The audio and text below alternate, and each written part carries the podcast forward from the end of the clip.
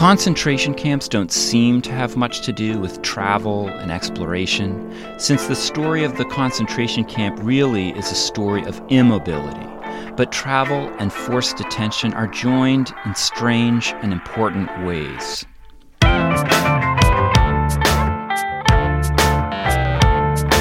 It's time to eat the dogs. I'm Michael Robinson.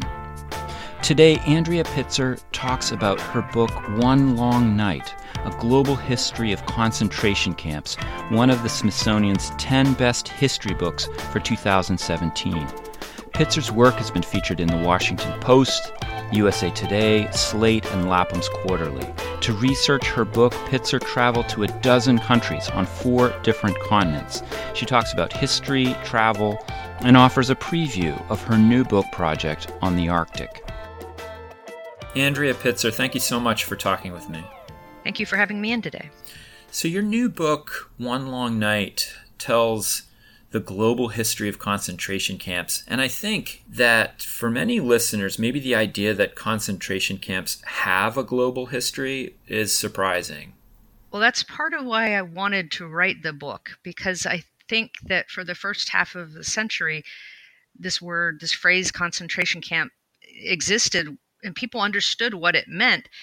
And then somehow after World War II, we lost both its meaning and that earlier history, that pre World War II history. And I wanted to kind of go in search of where did they come from and how did we get to World War II and then what happened afterward. And so telling that story became important because I found that there really wasn't a lot out there that looked at the overall history. You know, uh, when I when I read your book, I immediately started uh, looking back at your first book, which was uh, the Secret History of Vladimir Nabokov, and that story it's kind of a running. Seems like it's almost a kind of running story of of continuous exile, um, a kind of intellectual biography of him. But you started off talking about his father's imprisonment. How are the two books connected? Well, there's a little part of it that is connected. I actually did go to the prison in St. Petersburg that his father was held in, and it's still an operational prison today. It was kind of a strange moment. I just went there. I didn't like contact anyone and started wandering through one part of it and then sort of realized there was going to be nobody to sort of grab hold of or or interview and it ended up being this very eerie feeling of this prison his father had been in you know more than a century ago and to sort of be there today but the more direct link that's sort of akin to that but even more closely tied uh, in terms of family imprisonment was his brother Sergei, mm-hmm. who was less than a year different in age from him. It was his younger brother. And his brother Sergei had been detained and held in a concentration camp in Germany as a homosexual and then released and then was put back in and went to a place in northern Germany called Neuengamme, uh, a camp there, and died there shortly before the end of World War II. Mm-hmm. And going to that former campsite uh, where there's now a memorial and doing research really made me want to think about this whole part of history more. And it was really the, this kind of detention came up again and again in Nabokov's work. And I went to look for a general history of concentration camps. And mm-hmm. I didn't find one. There wasn't one in English. There's one in French that has some very good research on uh, communist camps. So, you know, behind the Iron Curtain and in some other parts of the world, and certainly the Gulag. But I didn't find anything comprehensive that was sort of global, in my opinion. Um, although, the, again, the French work is quite good on a number of topics and there was nothing in English. And I thought, oh, this needs to be my next book. Huh. You know, you start the uh, the story of uh, One Long Night with the American Civil War, and I found that really interesting. I was wondering if you could talk a little bit about your decision to start start it there. Well, it's a little bit complicated. Where do you start something that's global? You know, um, yeah. you have to sort of pick a point, and the book is mostly framed by when the phrase appears to and, and my definition my working definition for the book i should say of concentration camp is the mass detention of civilians without trial usually on the basis of identity uh, that they don't have control over. So, ethnicity or race or religious belief, you know, or religious tradition, although sometimes it is party affiliation and things like that. But once I saw in the 1890s in Cuba where this phrase emerged, I realized I needed to sort of roll things back just a little bit further than that because the first camps arose in the midst of this rebellion in Cuba that was framed in the US at the time very much in terms of what had happened with the Confederacy during the Civil War and some of the US responses to that war, particularly the Lieber Code, which was a mm-hmm. sort of a mm-hmm. humanitarian code that was developed. And it didn't have a huge role to play during the war, but then became the basis of a lot of humanitarian and international law after the war. And that mm-hmm. became then the basis of some things later through a circuitous route, like the Geneva Conventions. And we also think of Hague, uh, the Hague Conventions. And so, um, you know, if you have to sort of pick a starting point, this idea of total war, this idea of putting down rebellions, and how countries ought to behave in response to that, what really is permissible, sort of sets the stage for the emergence of this phrase and, and this detention uh, concentration camp name that we get in the 1890s. But it's also important to say that there are lots of things before concentration camps that were quite similar. Mm-hmm. There is this sort of turn that we have through technology to them, but Native American reservations, parts of the Spanish mission system, to a lesser degree, certain elements of slavery, the transatlantic slave trade, forced labor under the czars, forced labor in the Roman and Chinese imperial uh, eras, you know, these all contributed to this idea in some way. Yeah, I found that especially interesting when you were just mentioning the Lieber Code, which I didn't know about. And it seems almost kind of like a Trojan horse in a way, because it does offer some protections against torture, and I, I can't remember the, uh, the all of the specifics, but uh, it seems very reasonable when you first read it, but then also essentially uh, accepts and sanctions um, detention of civilians. And I was I was thinking that it really kind of I think makes the point that uh, you're making in the book that concentration camp is something with a, a genealogy, a history. And I, I, was thinking uh, when I was reading that, that's kind of the inside uh, joke among historians is that you know readers are looking for good stories and historians are looking for good context. You know, right? We're always, you know, let me tell you uh, not about the story but everything behind it. But I actually really appreciate that you're actually trying to do both in, and doing and succeeding in doing both uh, in one long night. Still, I think that the term concentration camp is so freighted as a term in society because of the Nazi camps. I was wondering if you find that people resist the idea of attaching concentration camp to these other historical uh, examples for fear of diluting it. Has that been a reaction? To your book? And, and if so, how do you respond to it?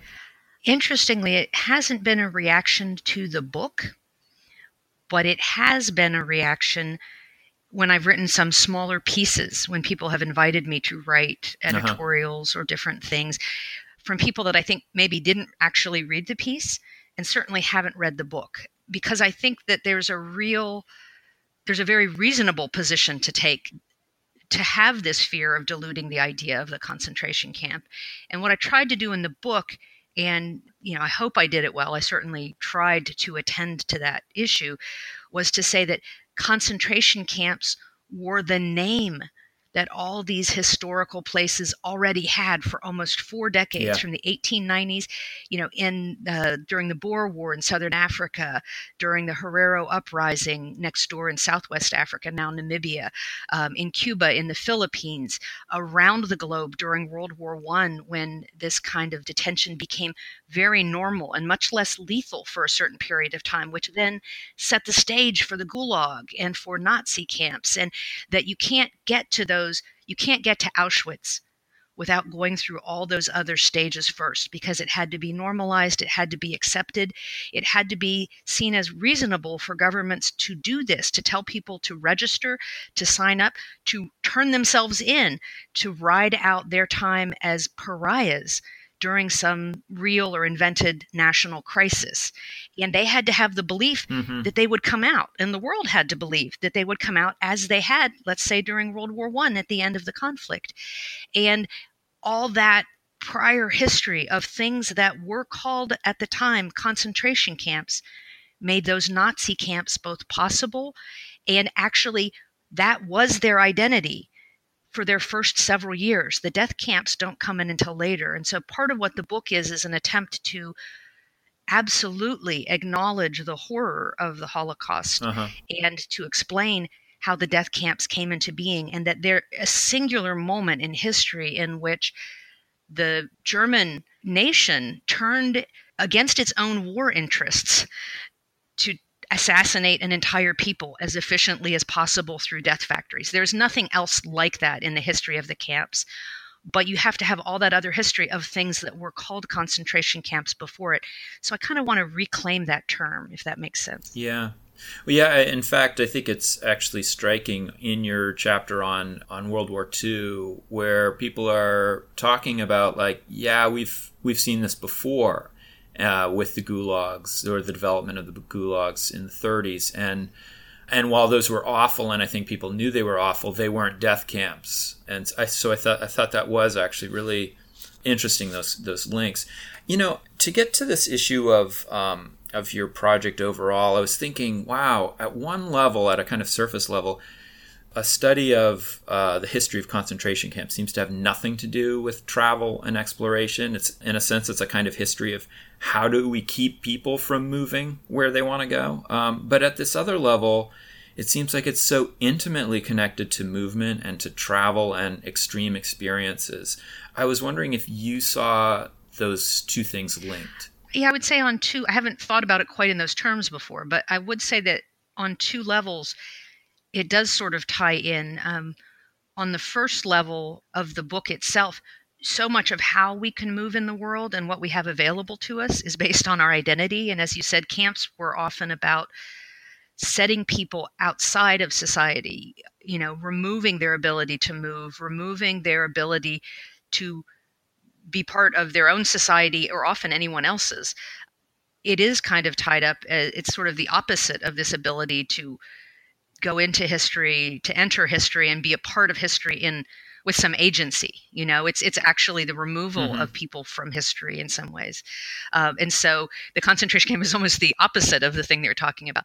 But then on a personal level, I wanted to go to six continents to do research. I really wanted to go to every continent that had had some of these kinds of detention camps and see the sites myself. Uh-huh the publisher was quite generous, I have to say, but it was turned out not to be enough time or money to do that. I ended up going to four continents, and I, I think that travel and exploration that I did uh, on the ground you know i used a lot of secondary sources i spoke with a lot of experts i used a uh, just i tried to have as wide a range of sources as possible but i have to say when it came down to it that travel and that physically being present in guantanamo in the rohingya camps in myanmar was as important as any any part of what I did. Huh. You know, since you brought up the travel uh, that you had to do for this book, uh, just so that listeners know, you uh, traveled to Poland, to Germany, Russia, the Czech Republic, France, Switzerland, Estonia, Chile,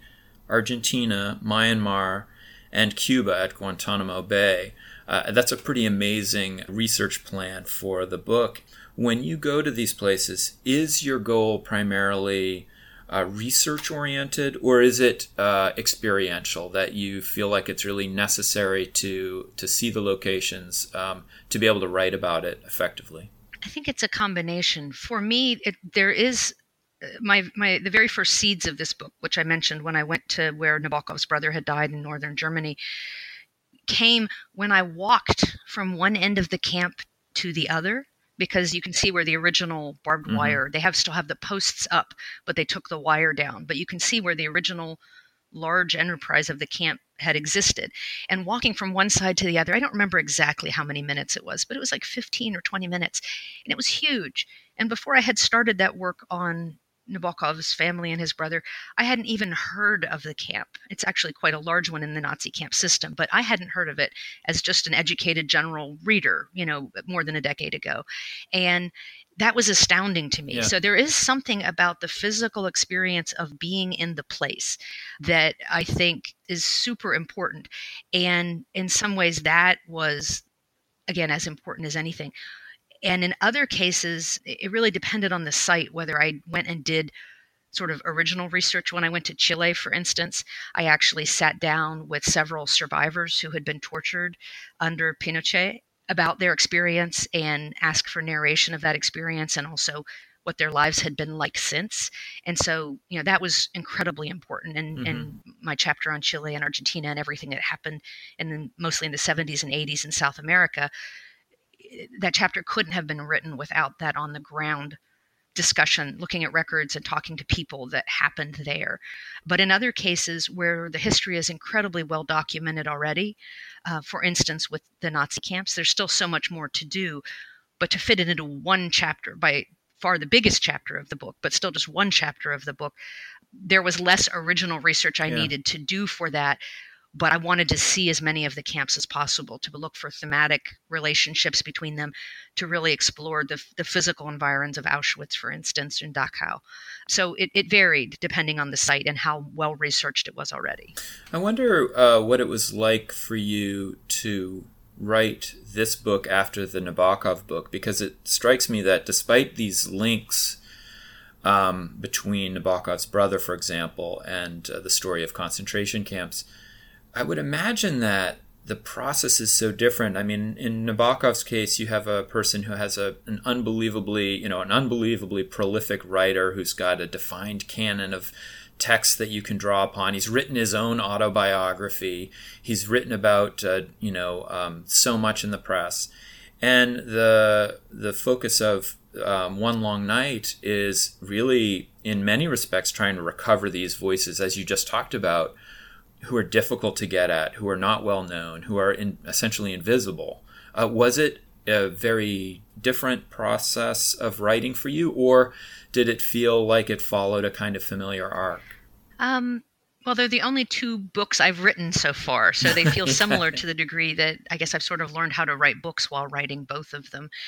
And I would say they're similar in that Nabokov was born in Russia and then moved to Germany, where his father was assassinated, and then fled to France after Hitler came to power, and then fled France on one of the last boats that made it out of harbor before France fell, and then was in the U.S. You know, as this, as you mentioned, this multiple exile and his life took place across basically most of the history of concentration camps. And so he was a global person. And this history that had so much to do with the concentration camps was also the history that drove him across the planet, you know, halfway around yeah. the globe. And so, you know, they both are an attempt to help readers understand that they know about this one thing. They might know about Lolita, or they might know about his autobiography, Speak Memory, which is you know a beautiful literary creation.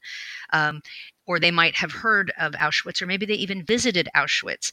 They have little pieces of this. Always, as a journalist and an author, I want to take something people think that they already know about and then give them that context that actually might turn everything they know into a different story. Mm-hmm. So while the history I had to cover and the, the breadth of it um, varied a lot. You know, Australia didn't have anything to do with Nabokov, but it had to do with the camps. You know, my goal is sort of the same thing. It, it is actually, as you were talking about that dilemma sometimes between a good story and context, I want to show people that sometimes the context is a story, yeah. and that can be a really powerful story. Yeah. I, so um, you're such a traveler. As an undergrad, you were you studied was it foreign policy?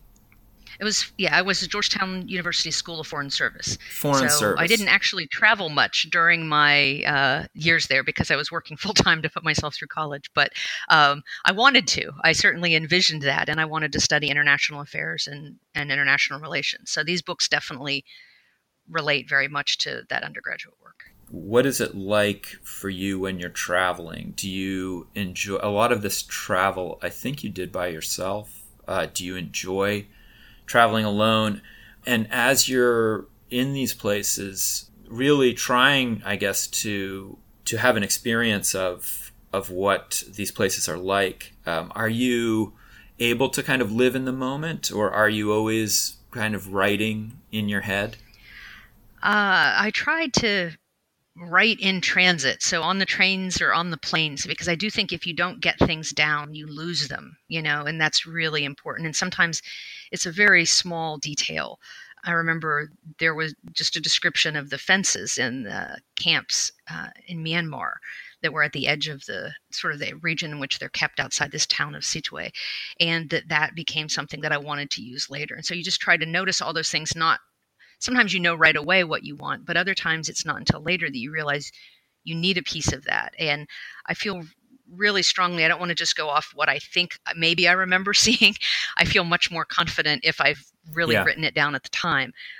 But when I'm interacting with people themselves, I really try, um, unless it's a subject that is just too frightened and put off by a recorder, to just record it because I don't want to be caught up in not listening to what they're saying. And I always take notes even while I'm recording. But if if there's a moment where I really just need to be with them in the interview, and because of some particular emotional thing that's happening in a moment or or something, then the, the, I have sort of the two systems, and the recorder hopefully is always there. I mean, I've had one or two horrible incidents where things weren't there later, but for the most part, you know that works out. And so I there are people like John McPhee who talk about not using recorders, and I just I can't imagine that life. You know, like that would be terrifying to me. Um, also, yeah. I want some documentary proof. You yeah. know, like if somebody questions it, because I think people they should say what what are your sources? Where did you get this from? Did you go to this place? How do you know this? And sure, yeah. when you were asking the question about concentration camps before, I am 100% fine if somebody reads through my book and says, "No, I still think Auschwitz is the only thing we should call a concentration camp. I don't need people to, um, I'm not selling something that it's important yeah. to me that they buy. I want them to understand a life and a story and his, the history behind it. And some of the best conversations I've had about my books have been with people who disagreed with parts of it. And, you know, but I hope if I present them well sourced, reliable information, it can give them something new that we can have a discussion about. Yeah, and also the links. I think um, they're just there. There are a lot of very interesting links. I mean, as I was reading your book, um, and granted, I'm kind of bringing my own, I guess, perspective to this, but it made me think that. Wow, at the same time that you have all of these technologies of detention that are evolving in the late 1800s through the 1900s, you have these technologies of travel that are developing simultaneously. And, uh, you know, so R- Richard Jobs I was on recently talking about youth travel um, during and after World War II in Europe and the rise of backpacking. And I'm like, wow, at the same time that youth are, you know, throwing off the chains of, uh, you know, conservative culture, you have the development of these technologies of, of mass incarceration. It's so it's so interesting, and and you know the other link or, or interesting thing I thought, and I just wanted to get your take on it was you have this really profound quote by Aus- the Austrian painter uh, Cohen Portheim. Is that am mm-hmm. I pronouncing his name correctly?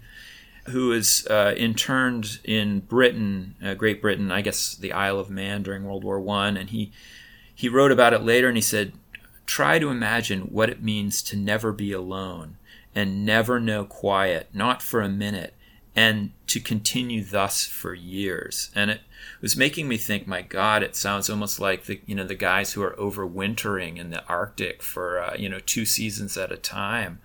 This kind of experience of no privacy and yet at the same time profound isolation. I was just wondering if you have any thoughts on that. Yes, well, first to the technology question, I think camps are so tied up with these technologies that we often think of as being wonderfully useful and helpful to humanity and it sort of just shows that technology itself can be a very neutral thing that you know it can kind of go either way. And i remember my surprise even after a few years of looking at this just that there was this there's sort of the er camp the, the beginning camp that later helps shape the idea of what the gulag will be on uh, this monastery, uh, Solovki, just north of the Russian mainland. And it's this incredibly isolated place. And, uh, you know, is sort of horrific for that reason. And then I was going through, I think it was the New York Times, and I saw in the 1930s that that the Soviet Union had established like an airport and like airway, you know, airplane service yeah. there. Yeah. and so it's like, you know, it's sort of, it is still this isolated place. It, would, it was very hard for people to escape from it, although some did, you know, but at the same time, some of the very technologies perfected in the 19th and 20th centuries were what made this kind of detention possible. I think of the you know the train systems in the Gulag and in Nazi Germany. I think of the airplanes the bodies were dumped out of. You know, with the French in yeah. Algeria, and then later in Argentina under the military mm-hmm. dictatorship. I mean, you know, transport. Um, when you want to lock a bunch of people up, the idea of the concentration camp is taking them out of regular society and how do you do that you know you need technology to do that and you need technology for surveillance of them and you need technology of detention which is why i think we see this phrase emerge and all this happen uh, the concentration camps show up right after the patenting of barbed wire and the production mass production yeah. of automatic weapons it sort of becomes possible because of technology for this modern idea of camps that we have but as far as this idea of um, the tension between how terribly lonely it is and yet how you're never away from other people, I think that mm. we see that again and again. And uh, Solzhenitsyn wrote wonderfully about. I'm not going to try to quote it because I'm sure I'll get the quote wrong, but basically talking about how the neighbor who like slurps his soup becomes just unbelievable, almost physical torture, you know, even though they're facing sometimes real torture in these places, just that lack of control. And that was something that came up in all the different kinds of camps, from internment camps that weren't particularly lethal to death factories, you know, that people who survived talked about was it was the powerlessness of the situation and the understanding that you had no idea if you would survive in some cases, or even if you had a good idea that you would survive. Let's say Japanese American internment during World uh-huh. War II. You didn't you didn't know when it would end. You know, it was this powerlessness of just indefinite detention that created, as Paul Cohen Portheim was saying, the painter you quoted earlier, this uh, mental illness, uh, really actual mental illness among almost. I think he said he didn't know anyone who hadn't been touched by it. Hmm. Yeah, that and and as I was thinking about uh, what you were just saying, I, I, it made me think. You know, the real difference between this and the people who are, uh, let's say, on the Antarctic station for uh, overwintering is that they're they're there because they want to be, and at least they have the uh, the control of uh, of making the decision to go, and that they pretty much know when they're going to leave, or at least they hope they know when they're going to leave. Um, and the people that you're looking at have none of that control and none of that knowledge. Um, you actually, to bring it back to the Arctic, though, you actually just completed a trip to Svalbard, the uh, Arctic archipelago, a few months ago, and you were writing about it for the Washington Post. I was, I was wondering if you could talk a little about that. Yeah, well, my um, I've known for a while that I wanted my next book to be about the Arctic, and I'll save until that's all announced exactly what that will be. But I really felt it was critical, even though I had been looking at this history for a little more than a decade now, that I wanted to go before I actually put together a book proposal, which is what you do when you're a nonfiction author, as I am, is you you have to sort of describe what the book you want to write is and why you're a great person to write it and include some sample writing that would be mm-hmm. you know reasonably expected to appear in the book and you put this proposal together and you try to get somebody to give you an advance to actually do the research and write it. And so I I thought it would be more practical to approach publishers having actually gone to the Arctic, but I also just yeah. feel as a researcher that it's one thing to read all of this stuff and it's another thing to be in that place. And I thought it would be transformational even just to make one trip. And so this was the first time that before I had ever sent anything off to a publisher, I decided I would spend that money, you know, which I don't, I'm a writer, I don't have a lot of money. And so that, yeah. that I thought that was important. So I went to Svalbard for a little over a week. In the wintertime. In the wintertime. It was important to me. Uh, I was interested in these people who'd overwintered. And it was important to me to go into the interior and see what it was like when there's no sun, you know, there's no sun at all. And I got there a little too late for their to not be even any sunlight. The sun never cleared the horizon, but as you know from having been, that there are periods of weeks in which it sort of teases up to the edge of the horizon, and you'll see almost like a dawn starting on the horizon, and then it just disappears again. And so I was there when it was no actual sun above the horizon, but we would get this little glimpse uh, of that, and um, it was fascinating, and it, it was transformational to go. And uh, I had wanted to. I often think that one should have a purpose all my travel, I think, generally has some kind of purpose. I'm not an aimless traveler, uh, and it's just a personal preference, I guess. But for writing, you know, if I wanted to understand something about the Arctic, I thought I should do something while I was there. And I had happened to have someone I met just on social media who had invited me to northern Wisconsin. Uh, her name is Blair Braverman, and she's she's quite a phenomenon on Twitter. And she had invited me to go learn how to be a, a musher, to join her and learn how to dog sled. And that mm-hmm. was I guess about a year and a half ago now. And so when I was talking about that I wanted my next book to be about the Arctic, she said, You should go work at a kennel there. And I actually wrote I wrote two kennels that were on Svalbard and asked them if I could come and basically volunteer for room and board for a month thinking I would then work in the Arctic for a month, which I have two small kids, so this would be a lot to organize. but I thought it would be worth it.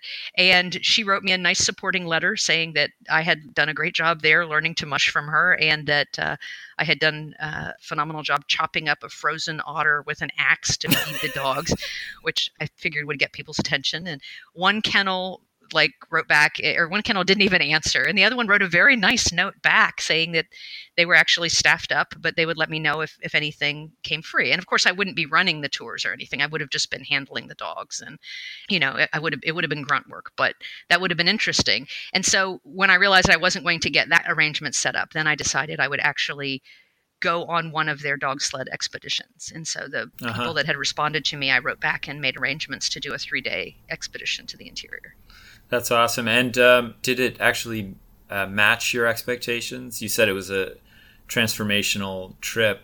were there aspects of it that were unanticipated, or you know you didn't hadn't hadn't anticipated? Um, yes. Uh, one of the things I learned is it's very different to do a uh, you know three or four mile loop with somebody who's put four dogs on uh, and who is teaching you how to do this. And then it's another thing to actually be in the interior of the Arctic, where the guide is up somewhere ahead on a sled, and maybe it's you know it is dark because there's no sunlight, and you see a little headlamp bobbing far in the distance, and he goes around a corner and. Then there's nothing. You're looking and you don't see anybody. You just see the interior. And maybe it's snowing really hard, and maybe it's icy, and the sled is slipping to places it's not supposed to be going. There, what I learned was that in actual mushing, things go wrong all the time, and the process of mushing is largely developing the skills to solve those crises as they arise, most of them minor, thank goodness, and to just try to keep a calm head and deal with things as they come up. But I find that's sort of the lesson of the kind of travel that I do. I mean, you know, when I went into the Rohingya camps, you know, I had letters of permission that were supposed to get me in, from the federal government, but the state government decided they weren't going to let me in. And at that point, I'd already come halfway around the world. And so I made arrangements to sneak in. And so that involved getting in the back of somebody's truck that I was told would pull up. And I, I know the guy's name, his nickname, but I have no idea who he really is. God. And I'm counting on certain networks. And, and I've tried to vet those networks, but, you know, it's a certain having confidence that you'll deal trying not to do anything too stupid trying to let somebody know where you're going and trying to deal with